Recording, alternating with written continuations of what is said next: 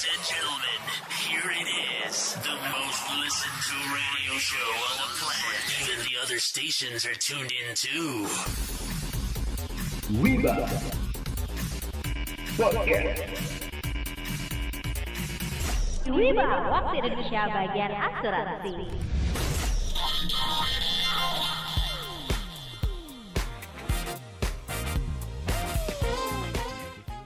Hai hai hai Hola Wibers Hola. Wow, joget TikTok dong, main TikTok nggak pada eh follow TikTok dong enggak dong. Ya ampun. Ah tuh tuh, hmm, hmm, ah iya gitu ya.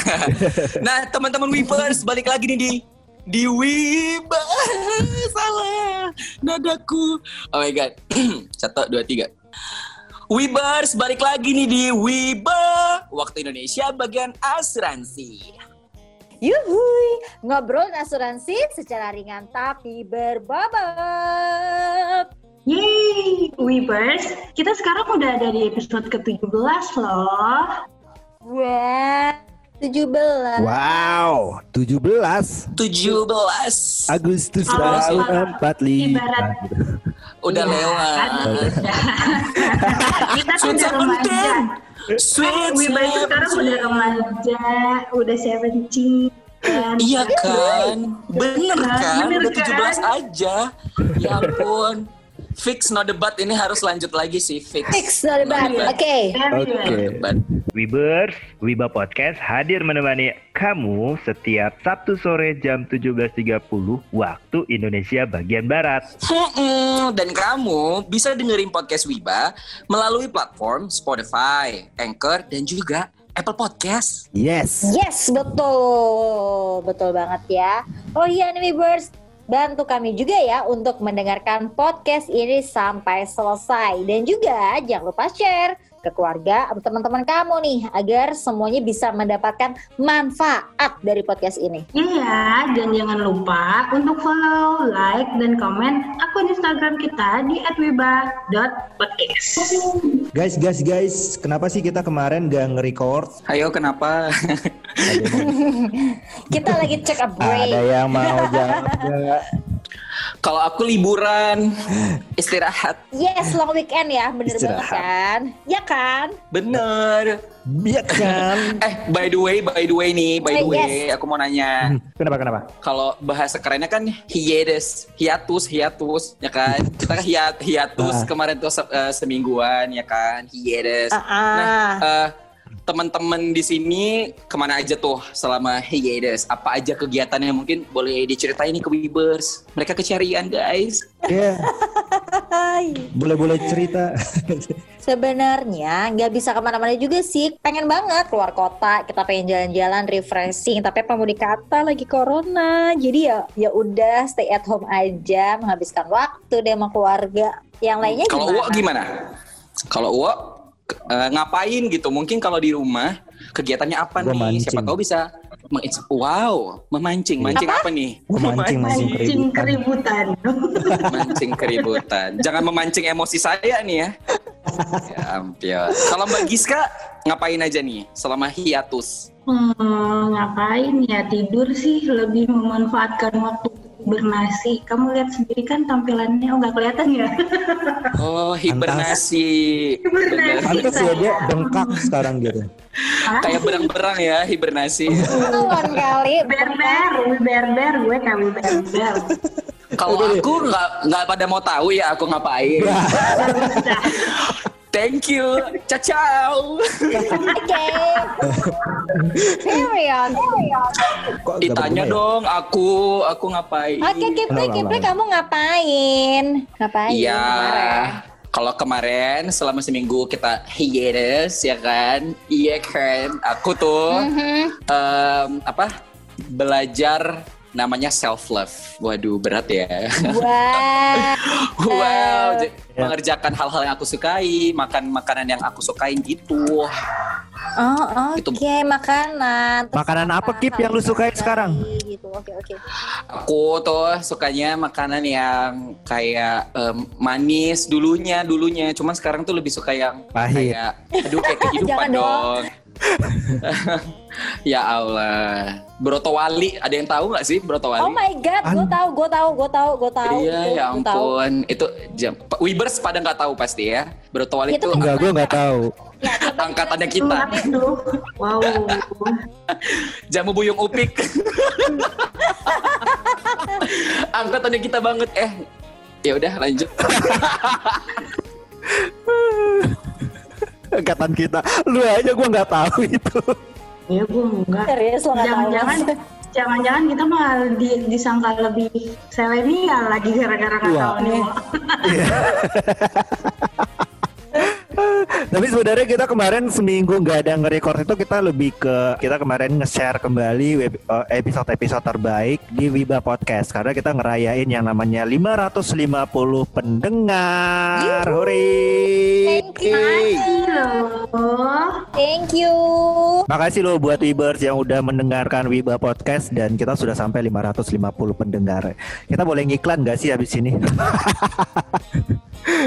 Oke, guys, kemarin ini kan kita udah ngobrolin mengenai penyakit kritis, terus kita juga ngobrolin mengenai asuransi jiwa, asuransi kesehatan, terus kita juga ngobrolin eh, bisnis di asuransi. Nah, kali ini tuh kepikiran ya, kalau gimana kalau kita ngobrolin eh, selain bisnis di asuransi, tapi kita juga ngobrolin tentang proses di dalam suatu polis asuransi. Itu gimana? Jadi kayak apa aja sih? Gimana caranya kita untuk belinya kayak gitu-gitu ya? Itu gimana? Menurut teman-teman gimana kalau kita Boleh, bahas boleh. satu persatu? Oke. Karena mungkin hal-hal kayak gitu Oke. masih awam kali ya. Jadi kita belum ngeh banget Mm-mm. tuh. Boleh. Kita mulai dari mana dulu nih bagusnya Tias?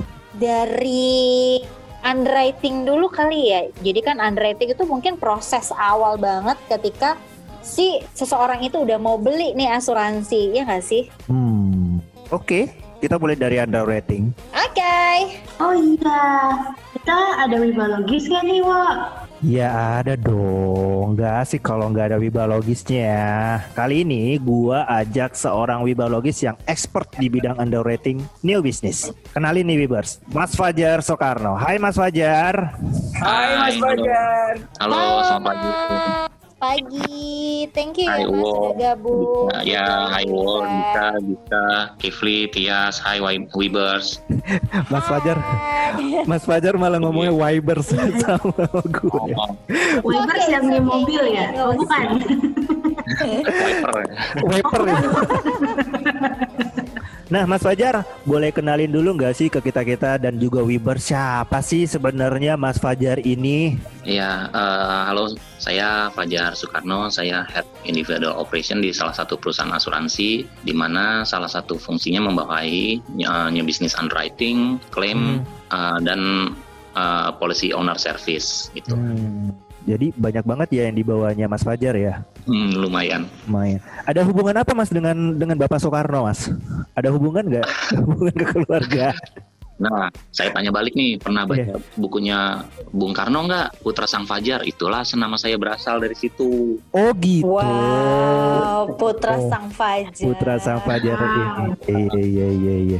Gue baca sih Jujur foto. gue belum dengerin sih. Gue gue baca buku kakek gue. Kakek gue kebetulan juga eh, apa apa banget sih sama Soekarno gitu. Jadi di lemarinya itu buku tentang Soekarno semua. Gue ingat banget tuh Putra Sang Fajar gitu. Berarti orang tuanya Mas Fajar juga juga ini banget ya sama Soekarno ya. Makanya namanya Soekar Fajar Soekarno gitu ya Mas ya. Mungkin karena orang tuanya lahir di era itu kali ya mas. Kalau era sekarang mungkin namanya Jokowi.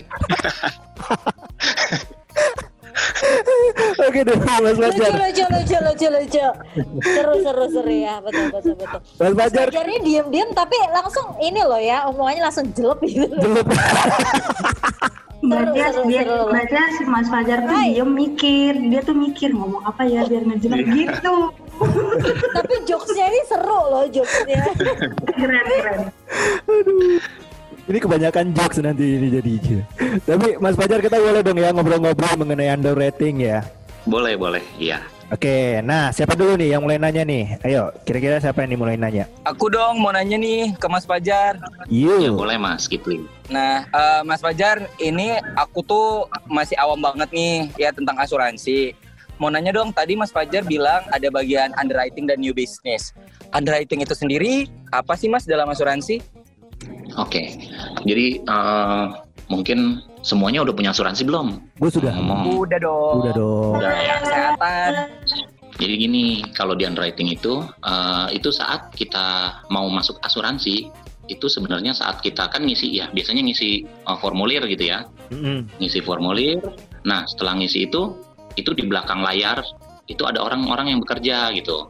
Eh, namanya Oh. bagian underwriting yaitu menseleksi resiko. Makanya kalau semuanya udah punya asuransi, berarti selamat. Anda layak diasuransikan gitu sih. Oh gitu. Berarti di dalam Nah, formulir jadi- itu ada layarnya gitu ya Mas ya? Bukan, bukan, bukan. Oh oke oke oke oke oke. Jadi eh, secara garis besar underwriting itu seleksi resiko. Eh, jadi kan kita perusahaan asuransi kan mengcover resiko ya, dan setiap orang udah pasti punya resiko lah ya. Eh, cuman nggak tahu kapan terjadinya gitu aja kan. Hmm. Eh, nah di belakangnya itu tim underwriting itu akan eh, menseleksi, memilih dan memilah nasabah-nasabah mana aja yang layak atau tidak layak diasuransikan gitu intinya sih. Mungkin kalau dianalogikan nih kita perbandingannya mungkin ini ya eh, air mineral mineral tahu kan ya air mineral Oh. semua oh. merek lah. Nah kan nggak mungkin ujuk-ujuk itu air di dalam kemasan udah bening gitu kan. Tahu nggak air itu berasalnya dari mana? Dari Kan pegunungan. kalau di Sumber iklan- pegunung. Dari pegunungan. sumber Iya kan? air. Dari Nah. mata air pilihan gitu. Nah itu dia Sumber air sedekat. katanya dari dari mata air pegunungan gitu ya. Oh, oh, oh. Iya iya. Saya ini kan hobi naik gunung nih. Saya hobi naik gunung mas. Peminat Kalau gunung ya Mas ya. air- Iya, kalau mata nemu mata air di gunung, kalau nggak pipis, kalau kebelet ya saya pipisin ya nggak. Iya.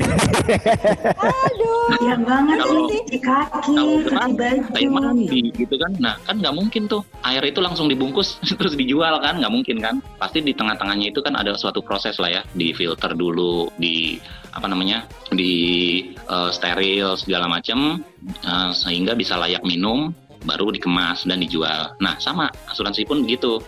Jadi kalau di asuransi nggak semua nasabah itu bisa langsung eh, bisa diterima langsung keluar polisnya nggak nggak begitu karena setiap orang resikonya itu beda-beda gitu sih itulah intinya underwriting Oh gitu ya Mas Fajar. Berarti kalau misalnya Wibers di rumah udah punya polis asuransi, sudah melewati proses underwriting tadi ya Mas Fajar ya, sehingga layak untuk Pastinya. diasuransikan. iya heeh. Thank you Mas Fajar. Mas Fajar, Mas Fajar. iya mbak Giska Ah, iya nih Mas Fajar, aku tuh pernah dengar istilah field underwriting. Terus eh, field underwriting itu bedanya apa sih? kalau yang saya sebutkan tadi itu itu proses yang saya bilang tadi ya di belakang layar. Jadi di dalam perusahaan biasanya di back office itu underwriting yang bekerja. Nah ada lagi nih field underwriting underwriting lapangan. Jadi eh, kalau beli asuransi kan nggak mungkin nih orang-orang yang tadi yang di back office saya lah misalnya ya saya underwriting terus saya ke lapangan ngecekin satu-satu nasabahnya itu nggak mungkin. Nah field underwriting ini biasanya tuh eh, lebih pas kita eh, masukkan seba, eh, ini seba- apa tenaga pemasar sales lah itu itulah mereka itulah eh, yang sebagai namanya field underwriting karena apa? Karena kan mereka di lapangan ya. Mereka di lapangan mereka yang ketemu sama nasabahnya. Jadi kalau Mbak Giska ngisi formulir pasti kan berhubungannya sama agen asuransi ya tenaga pemasar. Nah itulah si field underwriting nah mereka inilah yang akan eh, apa ya namanya? Istilahnya pintu pertama kali ya. Bahasa kerennya itu ini apa namanya? First first line of defense ya lah. Garda terdepan gitu ya Mas ya. Mm-mm, garda terdepan. Karena yang ketemu nih sama si kliennya gitu kan dia lihat nih Mbak Giska. Oh cakep juga.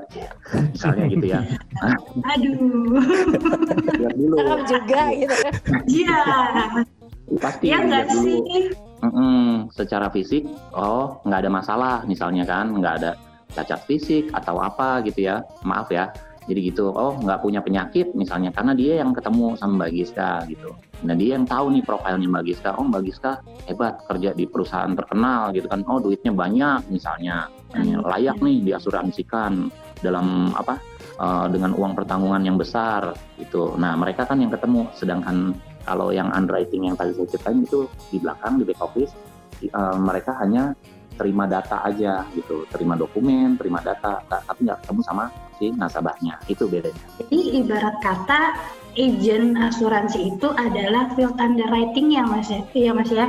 Jadi Iya, benar. setelah setelah diseleksi nih sama si agent-agent kan agent yang lihat orangnya seperti apa, kerjanya di mana, baru setelah data dilengkapi agent ini eh, eh, sorry dari agent ini baru ke yang back office tadi benar ya mas ya Iya, benar. Ah.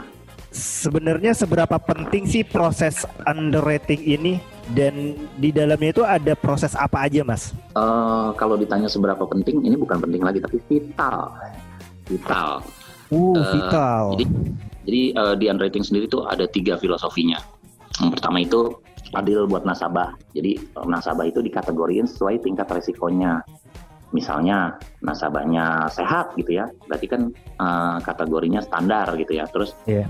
Nasabahnya misalnya eh, ada punya penyakit, nah itu nanti disesuaikan dari sisi preminya mungkin. Itu namanya adil buat nasabah. Kemudian underwriting itu harus bisa dijual oleh agent, deliverable deliverably by agent. Nah, itu kita kalau buat keputusan underwriting eh, harus bisa dijual oleh agent karena jangan sampai nggak bisa dijual. Misalnya, kalau tingkat resikonya terlalu tinggi, eh kita sesuaikan nih ya, eh, nambah deh, oke, di, di accept, eh, diterima nih sama perusahaan, tapi bayarannya nambah dong.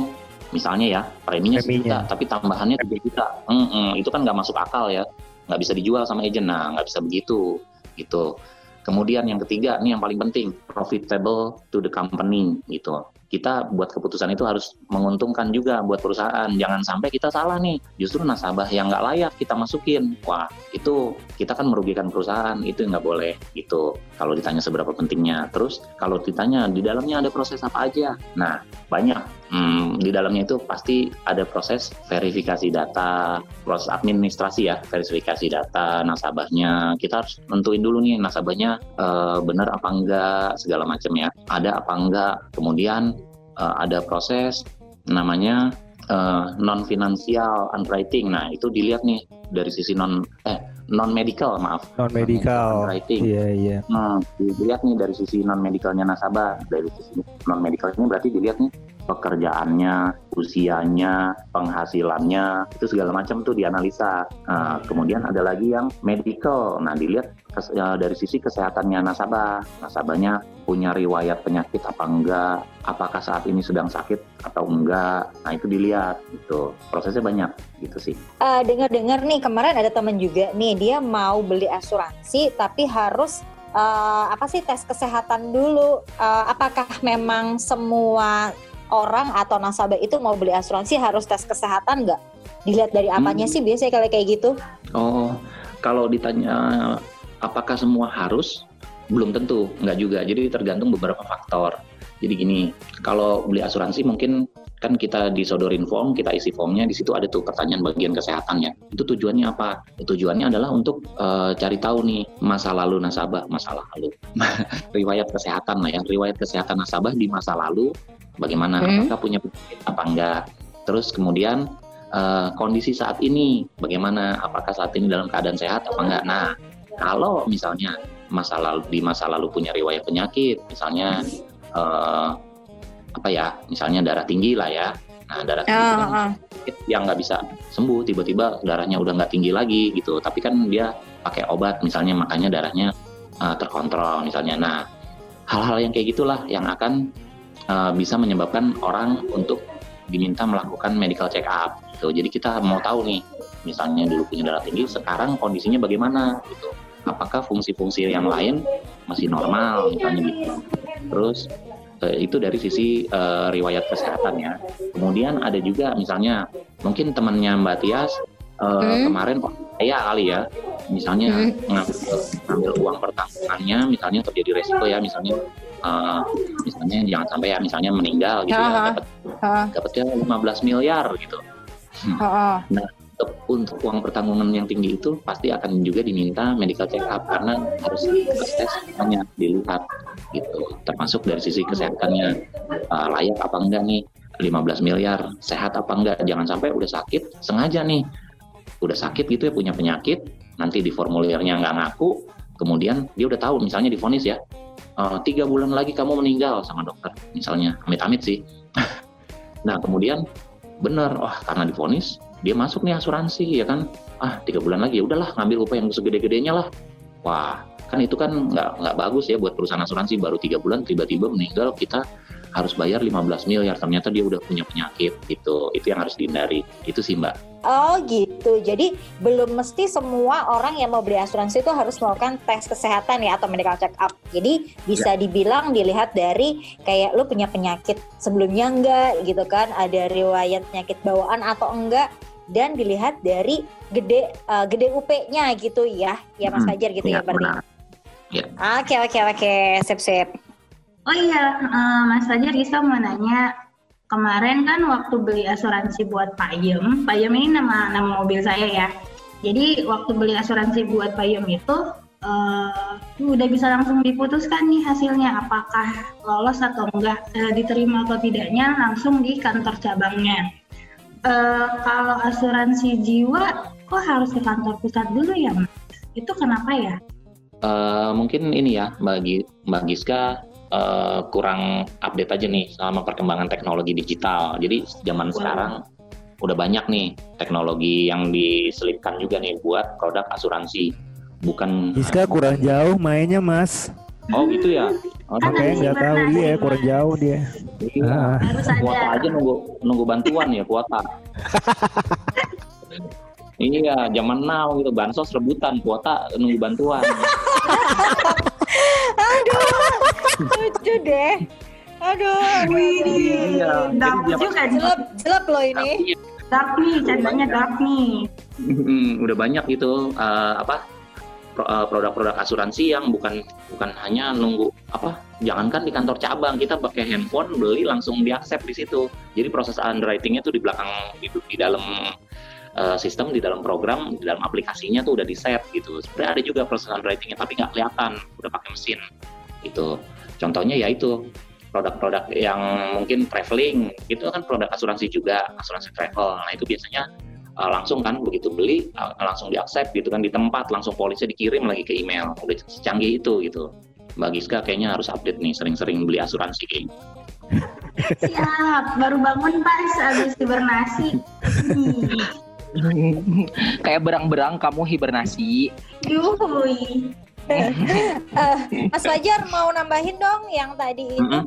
Nah, kalau tadi kan kayak yang digital pakai yang digital platform itu kan kayak Mm-mm. sehari aja langsung bisa di accept. Itu kalau boleh tahu sistem underwritingnya seperti apa ya? Kan eh, belum tahu ya orang tuh kalau oh orang ini sehat apa enggak kayak dilihat dari Mm-mm. situnya tuh sisi underwritingnya apakah berbeda atau gimana Mas?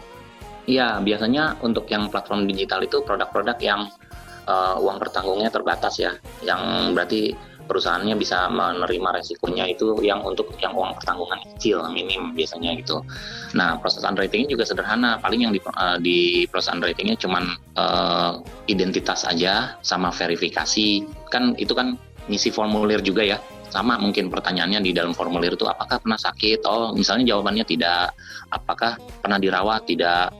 Uh, hanya verifikasi awal data aja langsung approve prosesnya gitu begitu bayar langsung enforce jadi dia nggak membutuhkan harus medis harus apa. Biasanya yang sederhana gitu. Itu yang dijual di platform digital. Dibatasin biasanya sih. Berarti nanti pada saat klaimnya itu baru dicek gitu ya mas ya? Iya. Kebenaran klaim kan kebenaran ininya Jadi ya. kalau Kebenaran sama aja apa? sama underwriting. Gimana mas? kebenaran Gimana? data yang dia isi gitu. Oh iya benar gitu. Misalnya pas saat klaim, eh, oh iya benar dia dulu sehat kok. Ini penyakitnya setelah eh, asuransinya jalan dia baru sakit kok. Layak bayar itu di belakang prosesnya gitu sih. Sangat simpel sih. Oh, jadi sebenarnya di sekarang ini udah ada sih sebenarnya asuransi jiwa di digital platform, tapi uh, UP-nya kecil ya Mas ya. Berarti kalau yang UP-nya gede memang tetap harus ikut uh, proses seleksi yang seperti sebelumnya berarti ya. Iya benar. Jadi kalau UP-nya besar biasanya kan butuh medical check up ya. Nah itu kan nggak mungkin lah di platform digital eh, melakukan medis gitu kan. Itu belum belum bisa lah ya. Kemudian misalnya UP-nya besar juga misalnya 10M, 15M itu kan biasanya dari sisi finansial juga harus diakses dulu. Ini nasabahnya layak apa enggak diasuransikan dengan uang pertanggungan sebesar ini gitu. Eh, dari sisi finansialnya dia eh, sanggup apa enggak bayar preminya. Nah, itu kan biasanya nanti ada dokumen-dokumen tambahan yang dibutuhkan gitu-gitu sih. Jadi makanya harus di kantor pusat kalau untuk case-case dengan uang pertanggungan yang besar. Eh, Mas Fajar, kalau penyebab paling umum ketika calon nasabah ditolak permohonan asuransinya itu apa ya Mas? Oh, kalau paling umum paling banyak yang saya temuin ya eh, ditolak itu biasanya karena faktor kesehatan. Karena kita kan bisnisnya bisnis resiko ya. Resikonya bukan sekarang lagi resiko yang akan terjadi di masa depan. Jadi eh, kita mempertimbangkan dari sisi kesehatan misalnya mungkin sekarang baik-baik aja tapi gimana 10 tahun ke depan 20 tahun ke depan apakah masih baik-baik aja? Jadi misalnya saat ini udah punya penyakit kita juga harus melihat nih kira-kira perjalanan penyakitnya ke depan itu bagaimana gitu. Nah jadi yang paling banyak ditolak biasanya sih karena masalah kesehatan gitu. Kalau ini mas, gue juga pernah dengar nih, katanya ahli waris di eh, asuransi itu beda ya dengan ahli waris yang biasanya ada kita dengar di masyarakat gitu.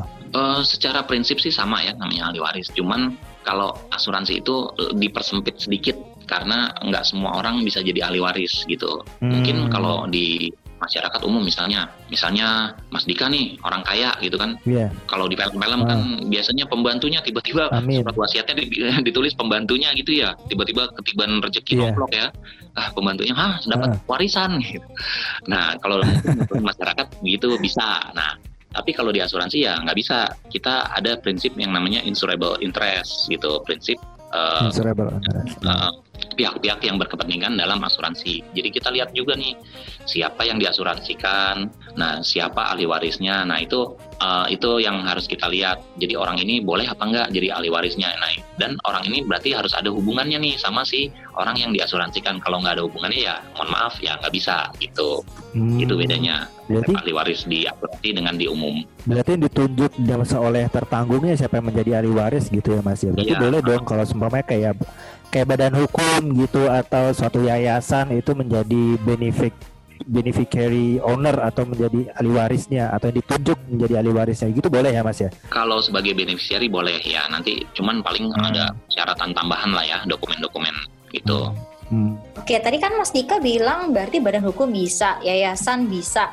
Boleh di sedikit breakdown nggak Mas? Siapa aja yang bisa dijadiin ahli waris? Eh, kalau siapa aja yang bisa dijadiin ahli waris pertama udah pasti paling paling logiknya masuk ya paling masuk akal itu adalah eh, Keluarga, keluarga. ya. Hmm.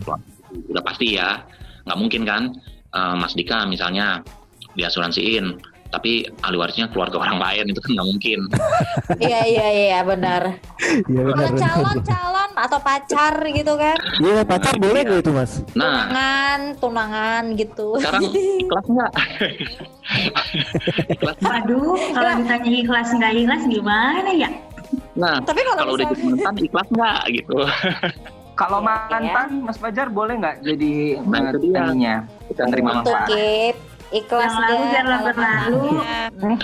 sekarang misalnya Mbak Tias lah ya Mbak Tias misalnya Mbak Tias masih Ah. single misalnya ya Ah, kan ah. pacar, Ah, ah. pacar ini terus eh, ahli warisnya pacar saya aja deh gitu kan misalnya Ah, ah, ah, ah, ah. saya nanya nih maaf terus kalau putus gimana Saya ganti langsung. iya Yes. putus terus nggak bisa move Lupakan on lagi ya. Ya ampun. Jadi benar-benar keluarga lah ya yang diutamain. Iya pasti dong kita ngutamain pasti keluarga dulu dong nah Tapi kalau Ah. orangnya hidup seorang diri, Jadi sebatang kara gitu loh Mas eh, Fajar. sih Gimana ya tuh? bisa bisa jadi kan kita nggak pernah tahu kayak dia gitu mas. Bener. Itu siapa? iya. Terdampar di pulau tuh kayak Mbak Tia. waduh terdampar di pulau saya bingung kalau terdampar di pulau masih mikir beli Belinya asuransi apa? gimana? Iya. Tapi ternyata Malah ada. berburu ya kalau terdampar di pulau. Iya. Ini sebatang kara apa batang kere beda nih. Benar juga tuh. Tapi mungkin maksudnya itu kayak gini mas, kayak gini mas Fajar. Jadi maksudnya itu kayak, sumpamanya ada seseorang anak yatim piatu yang sebenarnya dia dia memang nggak kaya, tapi pada saat dia sudah bekerja, sudah dewasa dan bekerja mempunyai banyak banyak harta, terus dia Penghasilan ya. penghasilan dan dia beli buat diri sendiri, sementara dia belum punya oh, tanggungan, Keluarga. belum punya istri, keluarga dan segala macam. Itu gimana ya? Itu gimana kalau apakah Nah, kalau saya ahli warisnya siapa gitu? kalau saya nih apa tadi kan sendirian gitu kan udah kan itu kaya raya kalau saya jadi mbak Tia saya deketin Iya benar. Itu prinsip sih. Ya. No debat. Itu fix. No debat ya. Iya kan, betul kan? Bener kan? Gitu Eh, tapi Eh, serius nih mas, serius nih, serius. Ya. Jadi kalau misalnya orang cuma sebatang kara, mau dikasih ke siapa kalau misalkan terjadi resiko meninggal dunia tuh? Apakah Nah. menguap tuh eh, UP-nya atau gimana? Enggak, Ke mana? kalau aku sih Mbak Tias nih, Mbak Tias, Hmm. kalau aku malah nangkepnya gini, kalau dia sebatang kara, bener-bener nggak punya siapa-siapa, ngapain dia beli asuransi gitu kan? Asuransi kan kayak buat keluarga gitu nggak sih? Iya nggak sih Mas Fajar? Hmm, Ya, mungkin dia benar. combine Iya dengan kan, Mas asuransi Fajar kan? kesehatan. dia mungkin bisa combine dengan asuransi kesehatan. Mungkin ternyata Kalau- UP-nya di situ. Iya. Jadi prinsipnya benar tadi kata Mas Kipli kalau asuransi itu kan ada eh, ada misalnya kehilangan apa ya kehilangan pendapatan lah ya kehilangan misalnya suami diasuransikan gitu ahli warisnya istrinya. Nah kalau suaminya meninggal istrinya kan udah pasti kehilangan udah kehilangan suami udah pasti ya kehilangan pendapatan juga dari sisi income. Nah itu sih sebenarnya tujuannya. Nah kalau sebatang kara seingat saya sih setahu saya ya tetap bisa tapi dia tetap harus nunjuk yang jadi ahli waris siapa misalnya dia eh, nanti dananya setelah dia meninggal ini banyak juga sih terjadi udah common lah common practice setelah meninggal dananya buat di, dihibahkan lah ya ke suatu yayasan gitu amal itu bisa-bisa Oh, aja Iya iya iya iya. Hmm, Ke yayasan sodakoh yayasan. ya, iya infak. bener ya. Amal jariah gitu loh. Aduh, aduh, benar, benar. banget. Aduh. Saya jadi beramal bisa loh. Asik. Ya. Beli Iya, asuransi buat amal beramal dengan bisa. Beli asuransi itu bisa banget. Betul, udah pahala Mantap. ya kan? Mhm. period. Fix. period ya. Webers beramal itu period ya. Beli asuransi juga wajib, no debat ya. Nah, nih Mas Fajar aku mau nanya lagi nih. Tadi kan kita udah ngobrolin tentang eh, siapa aja yang bisa jadi tertanggung gitu-gitu ya. Terus apa Hmm. aja yang menjadi penyebab tertolaknya pengajuan atau permohonan asuransi calon nasabah. Nah, kira-kira nih dari Mas Fajar ada nggak yang bisa disampaikan nih ke Webers gitu ya, agar ketika mereka nanti mengajukan permohonan asuransi, proses underwritingnya itu smooth gitu Mas, lancar jaya. Ya, mungkin ini ya, kalau di asuransi sendiri itu kita ada namanya prinsip utmost good faith namanya, prinsip itikat baik. Ya, pertama kita mau, ini kan asuransi itu kan suatu kontrak ya, namanya suatu kontrak perjanjian, ya harus ada itikat baik nih dari dua belah pihak, dari si nasabahnya sama dari perusahaannya gitu. Jadi kalau mau eh, tipsnya buat saya sih mungkin yaitu itikat baik, jujur. Jadi semua pertanyaan di formulir itu dijawab dengan sejujur-jujurnya. Kalau misalnya pernah punya penyakit, bilang aja saya pernah punya encok misalnya. Dua tahun yang lalu. Ya nggak apa-apa. Isi aja. Jangan sampai ini uh, disembunyikan gitu. Wah mm, saya dulu sakit encok nih. Nggak usah ngaku deh. Nggak tahu ini orang asuransinya. Mungkin nasabah banyak yang berpikiran begitu ya. Cuman nanti masalahnya adalah saat klaim di belakang. Uh, misalnya nih ternyata terus kambuh tuh encok dirawat nanti klaim melihat kan perjalanan penyakitnya ini. Loh dia dulu sebelum ikut asuransi udah sakit nih udah encok nih akhirnya nggak dibayar klaimnya jadi kan mengecewakan semua pihak lah ya. Nah itu yang harus dihindari. Jadi kalau menurut saya sih ya harus jujur jawab formulirnya dengan sejujurnya udah itu aja cukup. Jadi nih Wiber sebenarnya gitu ya, untuk merangkum apa yang dikatakan oleh Mas Fajar tadi, supaya proses underwriting kamu nih smooth gitu ya, berjalan lancar, katakan sejujurnya gitu loh. Sama kayak kalau kamu tuh lagi PDKT sama ya sama seseorang gitu ya. Jadi tuh harus jujur, bener nggak? Bener nggak? Betul, Wow. betul. Bener nggak Mbak fix Tia? no debat. Fix no debat kalau itu. No Fix debat. no debat, jadi Fix harus no debat. Ya, kalau kata Raja, waduh angkatan mm, 90-an nih ya. jujur padaku gitu loh, Wibers ya. Bila kau tak Jujur, lagi jujurnya. cinta gitu ya. Iya, karena kalau bohong-bohong di depan itu sakitnya di belakang loh, Wibers gitu. Ya Allah, kasihan banget Hmm, sih. ya, bener ya Mas. Fajar ya. Iya, bener. ada Pengalaman pribadi tuh kayaknya. Iya, mas. bener. Dia sekali Jadi dalam asuransi, kamu lagi mau mengajukan permohonan asuransi atau kamu mau PDKT, ingat utmost good faith. Sejujur jujurnya jujur itu harus jujur gitu loh. Se- sejujur Asik. itu gitu loh. Fix. Ya kan? Iya kan, bener kan Wibers? Iya. ya buat Wibers yang ini ya follow Instagramnya Wiba Podcast terus nanti cari aja Instagram aku. Promote banget. Promote banget.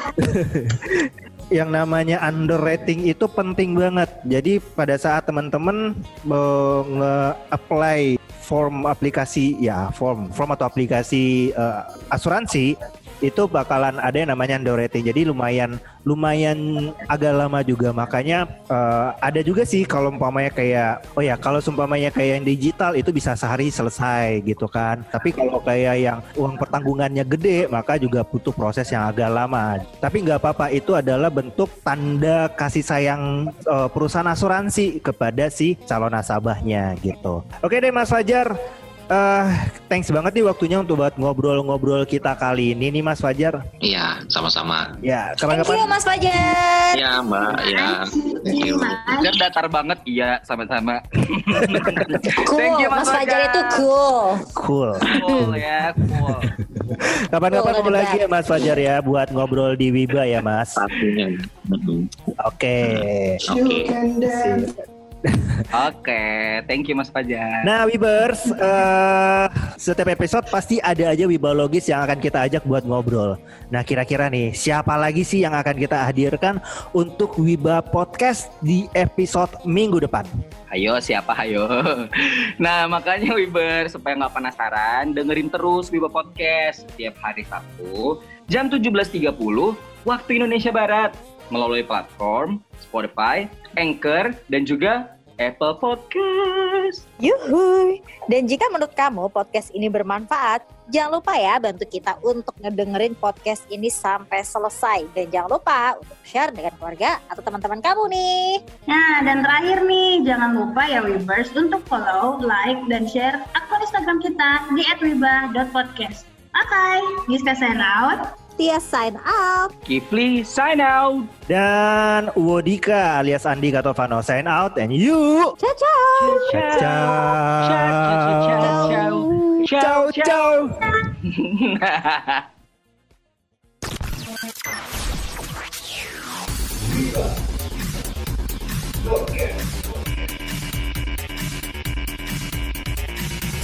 Thank you for listening to our podcast.